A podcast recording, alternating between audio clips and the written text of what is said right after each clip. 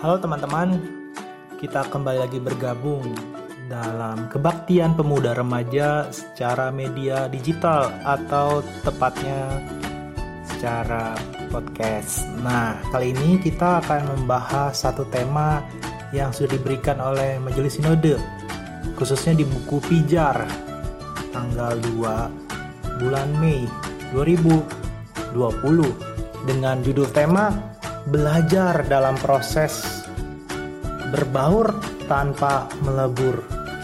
Belajar dalam proses berbaur tanpa melebur. Loh, kok kita berbaur tapi kok tidak melebur? Nah, kita akan sama-sama gumuli, sama-sama kita cerna dengan mengawalinya bersama-sama berdoa. Kita bersatu dalam doa. Allah yang Maha Baik, Allah Sang Sumber hikmat dan pengetahuan, kami ingin kembali belajar, ya Allah, akan setiap firman kebenaran yang Engkau telah berikan di dalam kehidupan kami, pribadi lepas pribadi. Secara khusus, karya salib dan keselamatan yang Engkau telah curahkan dan Engkau limpahkan melalui darah pengorbananmu yang kudus ya Allah, yakni Tuhan kami, Yesus Kristus. Terlebih ya Allah, oleh kuasa roh kudus saja selaku pemuda, selaku remaja, kami dapat bersekutu sekalipun dengan media digital, kami percaya kami tidak dapat dipisahkan oleh Tuhan. Kami percaya sekalipun ada COVID-19, kami tetap bersekutu bersama umat bersama Engkau juga ya Allah dengan perantara media. Maka dari itu, pakailah hambamu dalam berbagai keterbatasan, setiap alat media yang kami gunakan untuk semuanya sesuai kehendakmu dan menghadirkan berkat di dalam kehidupan kami sehari-hari. Di dalam nama Tuhan Yesus, kami telah berdoa dan mengucap syukur. Haleluya. Amin. Mari teman-teman kita akan membaca firman Tuhan dari kitab Daniel pasal pertama ayat pertama sampai ayat yang ke-15. Kitab Daniel pasal pertama ayat pertama sampai ayat ke-15 di bawah judul perikop di istana Babel. Demikianlah firman Tuhan. Pada tahun yang ketiga pemerintahan Yoyakim Raja Yehuda, datanglah Nebukadnezar Raja Babel ke Yerusalem lalu mengepung kota itu. Tuhan menyerahkan Yoyakim Raja Yehuda dan sebagian dari perkakas-perkakas di rumah Allah ke dalam tangannya. Semuanya itu dibawanya ke tanah Sinair, ke dalam rumah dewanya. Perkakas-perkakas itu dibawanya ke dalam perbendaharaan dewanya. Lalu raja bertitah kepada Aspenas, kepala istana, untuk membawa beberapa orang Israel yang berasal dari keturunan raja dan dari kaum bangsawan, yakni orang-orang muda yang tidak ada sesuatu celah yang berperawakan baik yang memahami berbagai-bagai hikmat, berpengetahuan banyak, dan yang mempunyai pengertian tentang ilmu, yakni orang-orang yang cakap untuk bekerja dalam istana raja, supaya mereka diajarkan tulisan dan bahasa orang Kasdim. Dan raja menetapkan bagi mereka pelabur setiap hari dari santapan raja dari anggur yang biasa diminumnya. Mereka harus dididik selama tiga tahun dan sesudah itu mereka harus bekerja pada raja. Di antara mereka itu ada juga beberapa orang Yahudi, yakni Daniel, Hananya, Misael, dan Azaraya. Pemimpin pengawal istana itu memberi nama lain kepada mereka. Daniel dinamakan Bet Lazar, Hananya dinamak, dinamainya Sadrak, Misael dinamainya Mesak dan Azaria dinamainya Abednego. Daniel berkata untuk tidak menajiskan dirinya dengan santapan raja dan dengan anggur yang biasa diminum raja. Dimintanyalah kepada pemimpin pegawai istana itu supaya ia tak usah menajiskan dirinya. Maka Allah mengaruniakan kepada Daniel kasih dan sayang dari pemimpin pegawai istana itu. Tetapi berkatalah pemimpin pegawai istana itu kepada Daniel, Aku takut kalau kalau tuanku raja yang telah menetapkan makanan dan minumanmu berpendapat bahwa kamu kelihatan kurang sehat daripada orang-orang muda lain yang sebaya dengan kamu, sehingga karena kamu aku dianggap bersalah oleh raja. Kemudian berkatalah Daniel kepada penjenangan yang telah diangkat oleh pemimpin pegawai istana untuk mengawal Daniel, Hanaya, Misael, dan Azaria. Adakah percobaan dengan hamba-hambamu ini selama sepuluh hari dan biarlah kami dibiar, diberikan sayur untuk dimakan dan air untuk diminum. Sesudah itu, bandingkanlah perawakan kami dengan perawakan orang-orang muda yang makan dari santapan raja. Kemudian, perlakukanlah hamba-hambamu ini sesuai dengan pendapatmu. Didengarnya Allah permintaan mereka itu, lalu diadakanlah percobaan dengan mereka selama sepuluh hari setelah lewat 10 hari, ternyata perawakan mereka lebih baik dan mereka kelihatan lebih gemuk daripada semua orang muda yang telah makan dan dari santapan raja. Teman-teman, sedemikian jauh firman Tuhan dikatakan berbahagia ialah mereka yang tidak hanya membaca namun juga melakukannya dalam kehidupannya sehari-hari. Haleluya. Kok kita saat ini dalam kebaktian pemuda remaja secara digital membahas tema belajar dalam proses berbaur tanpa melebur. Kenapa kok belajar? Nah, teman-teman, secara khusus selain kita mengingat kisah hari buruh kemarin, hari Jumat, di hari Sabtu ini secara khusus juga kita mengingat Hari Pendidikan Nasional. Jadi, ada hari besar. Semoga kedua hari besar itu tidak kalah populer dengan yang sedang terjadi saat ini, baik COVID-19 atau pembatasan sosial berskala besar.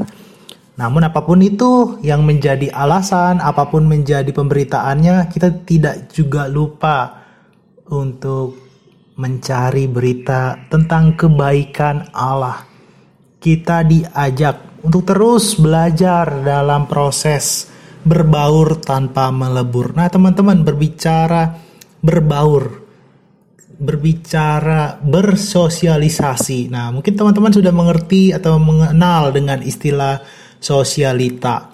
Tapi bagaimana orang yang disebut sosialita itu kok tanpa melebur? Nah, ini juga berbicara hal yang sama wah topik yang update lah gitu untuk kita saat ini.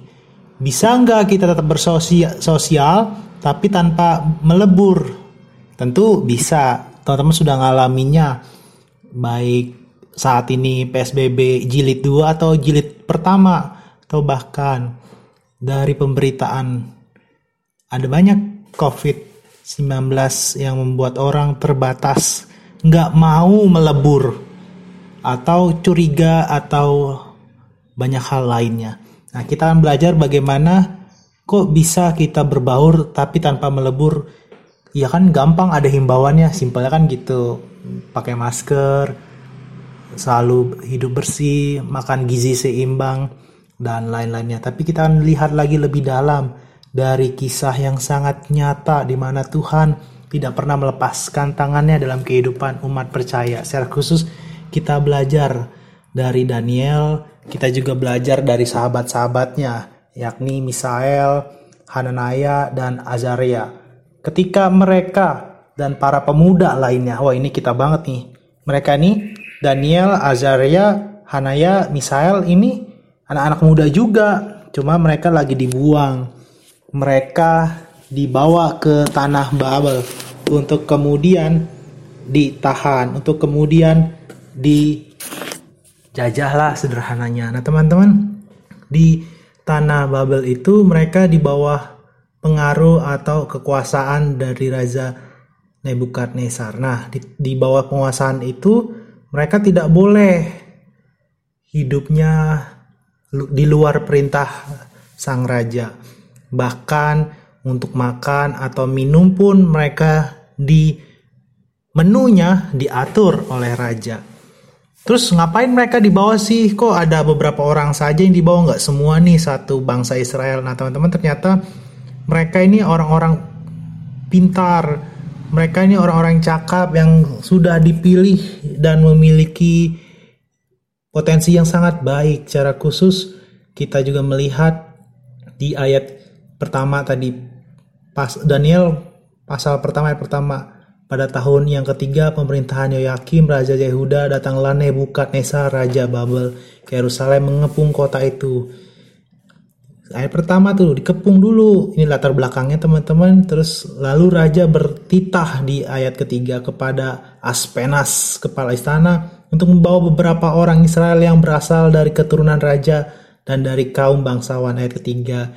Di ayat keempat lebih detail, yakni orang-orang muda tidak ada sesuatu celah yang berperawakan baik, yang memahami berbagai-bagai hikmat, berpengetahuan banyak, dan yang mempunyai pengertian tentang ilmu. Nah, orang-orang yang benar-benar cerdas, orang-orang yang benar-benar bertalent, orang-orang yang bisa dipakai untuk kemudian mendidik mereka juga. Nah, teman-teman mereka dibawa oleh raja ke Babel merupakan sebuah negeri yang menyembah dewa-dewa. Nah, secara khusus mereka dibawa ke tanah yang bukan orang-orang yang menyembah Tuhan kita.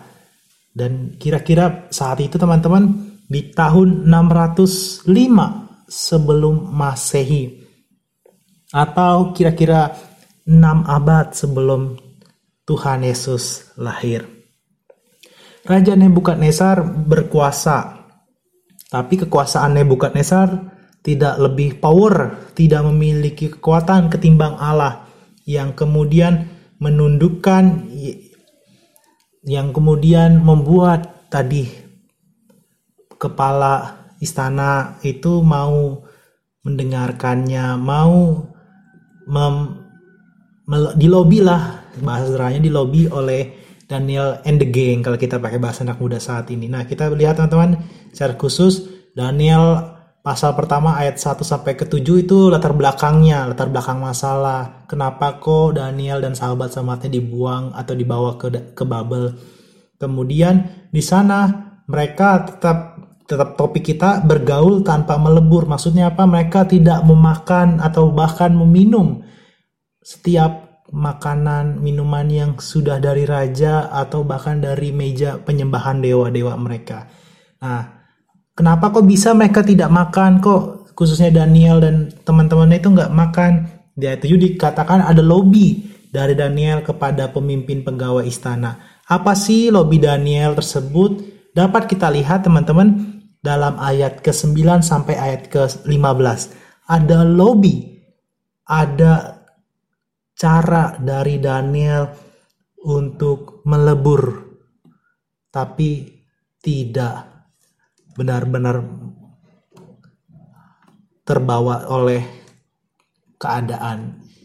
Kita pun saat ini demikian teman-teman diajak untuk tidak hanya melebur tapi juga wah susah nih untuk berbaur dan lain sebagainya apalagi dengan COVID-19 ini. Nah, teman-teman, Beberapa pakar menyebutkan dalam tafsiran kenapa sih Daniel dan kawan-kawannya nggak mau makan dan minuman dari raja? Nah teman-teman dikatakan bahwa dasar makanannya atau menu mereka itu adalah daging-daging yang khususnya oleh orang-orang Yahudi atau melalui hukum Taurat dilarang. Apa itu?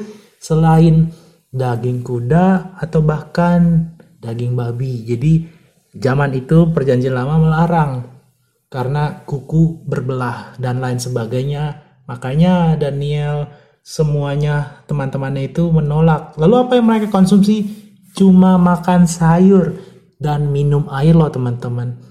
Wah, mereka bukan berarti diet atau apa, tapi tetap juga ada konsumsi. Mereka tetap menjaga kesehatannya. Nah, paling utama berkat Allah saja Daniel dan ketiga sahabatnya itu juga tetap terlihat ketika mereka menganugerahkan ketika mereka dipakai oleh Allah pengetahuan, kepandaian, serta pengertian atas tulisan dan hikmat.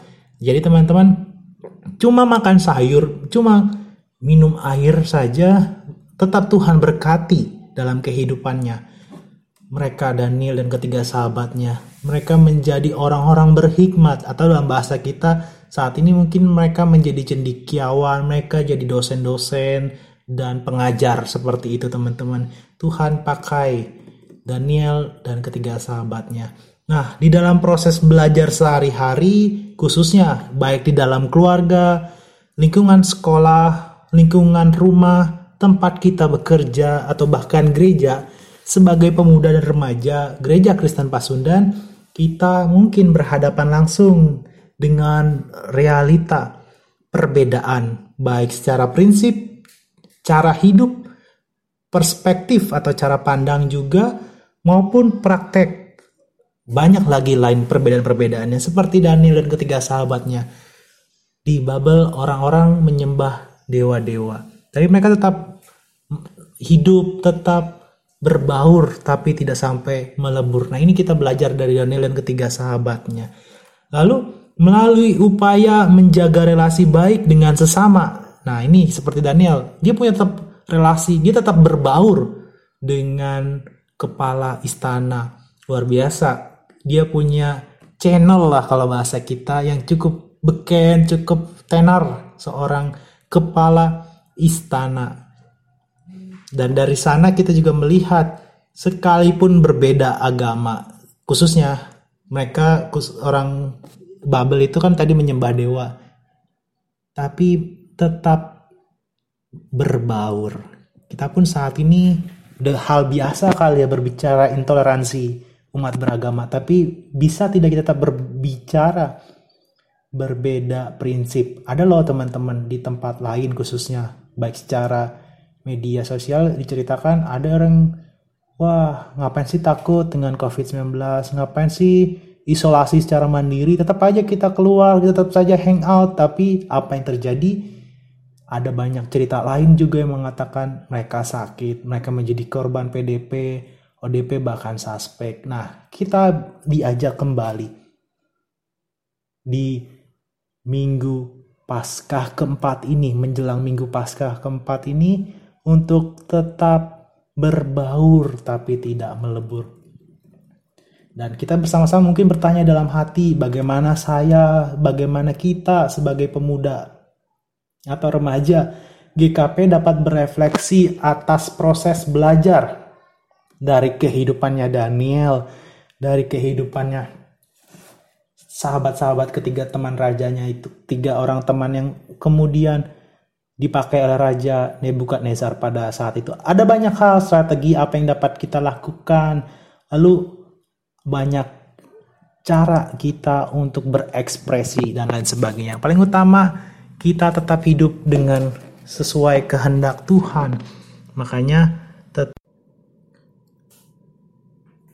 kita tetap diajak untuk berbaur tapi tidak melebur.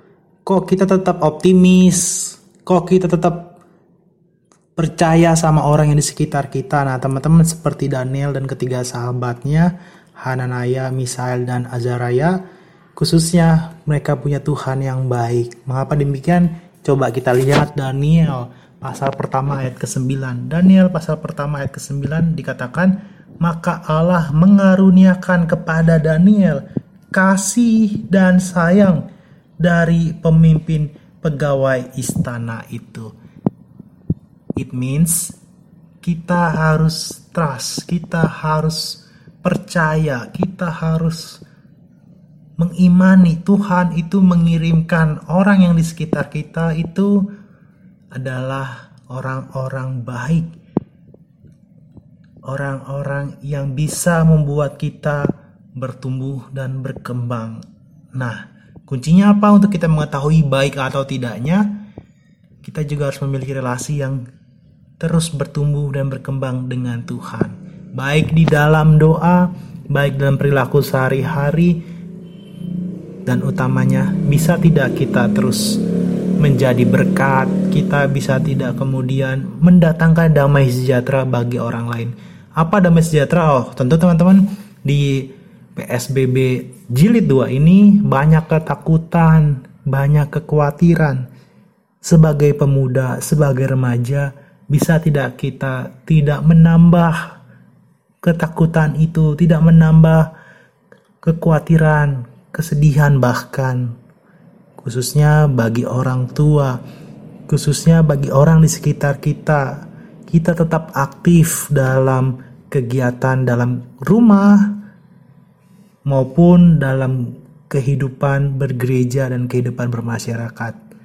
Percayalah teman-teman tadi, Daniel pun dipakai luar biasa oleh Tuhan karena Daniel tetap menjaga hidup sesuai kehendaknya makan cuma sayur dan air terbatas, tapi tidak membatasinya untuk memiliki relasi, tidak membatasinya untuk berbaur dengan orang-orang hebat, yakni kepala pemimpin istana. Daniel berbaur, tapi yang utamanya tanpa melebur. Kita pun dapat berbaur dengan siapa pun, tapi jatuhkanlah diri kita Buat diri kita berbaur dengan orang-orang yang sesuai dengan firman Tuhan, yang sesuai dengan cara Tuhan di dalam Alkitab. Percayalah teman-teman, Tuhan akan selalu memakai orang-orang tersebut dan bahkan kita sendiri menjadi berkat bagi mereka. Kita tidak hanya di challenge. Kita tidak hanya ditantang untuk mengubahkan orang lain, tapi kita juga mungkin yang dipakai oleh Allah untuk juga mengubah diri kita sendiri. Selamat belajar terus dalam proses berbaur tanpa melebur. Percayalah Tuhan yang sudah berbaur melalui Tuhan kita Yesus Kristus menjadi manusia itu dia tidak melebur dia tetap menjalani perintah Allah Bapa di sorga. Sehingga ia disalibkan, ia mati. Tapi dia tidak mati terus teman-teman. Dia bangkit.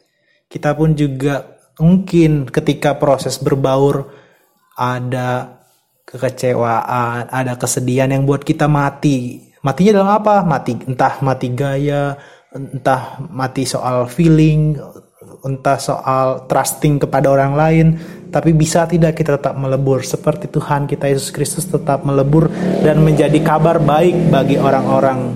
Inilah menjadi pesan untuk kita kemudian menyongsong minggu Paskah keempat. Selamat terus belajar dalam proses berbaur tanpa melebur. Tuhan memberkati. Amin. Mari teman-teman kita kembali bersatu di dalam doa dan membawa setiap pokok-pokok doa kita secara pribadi dan secara bersama-sama kita berdoa Bapa kami.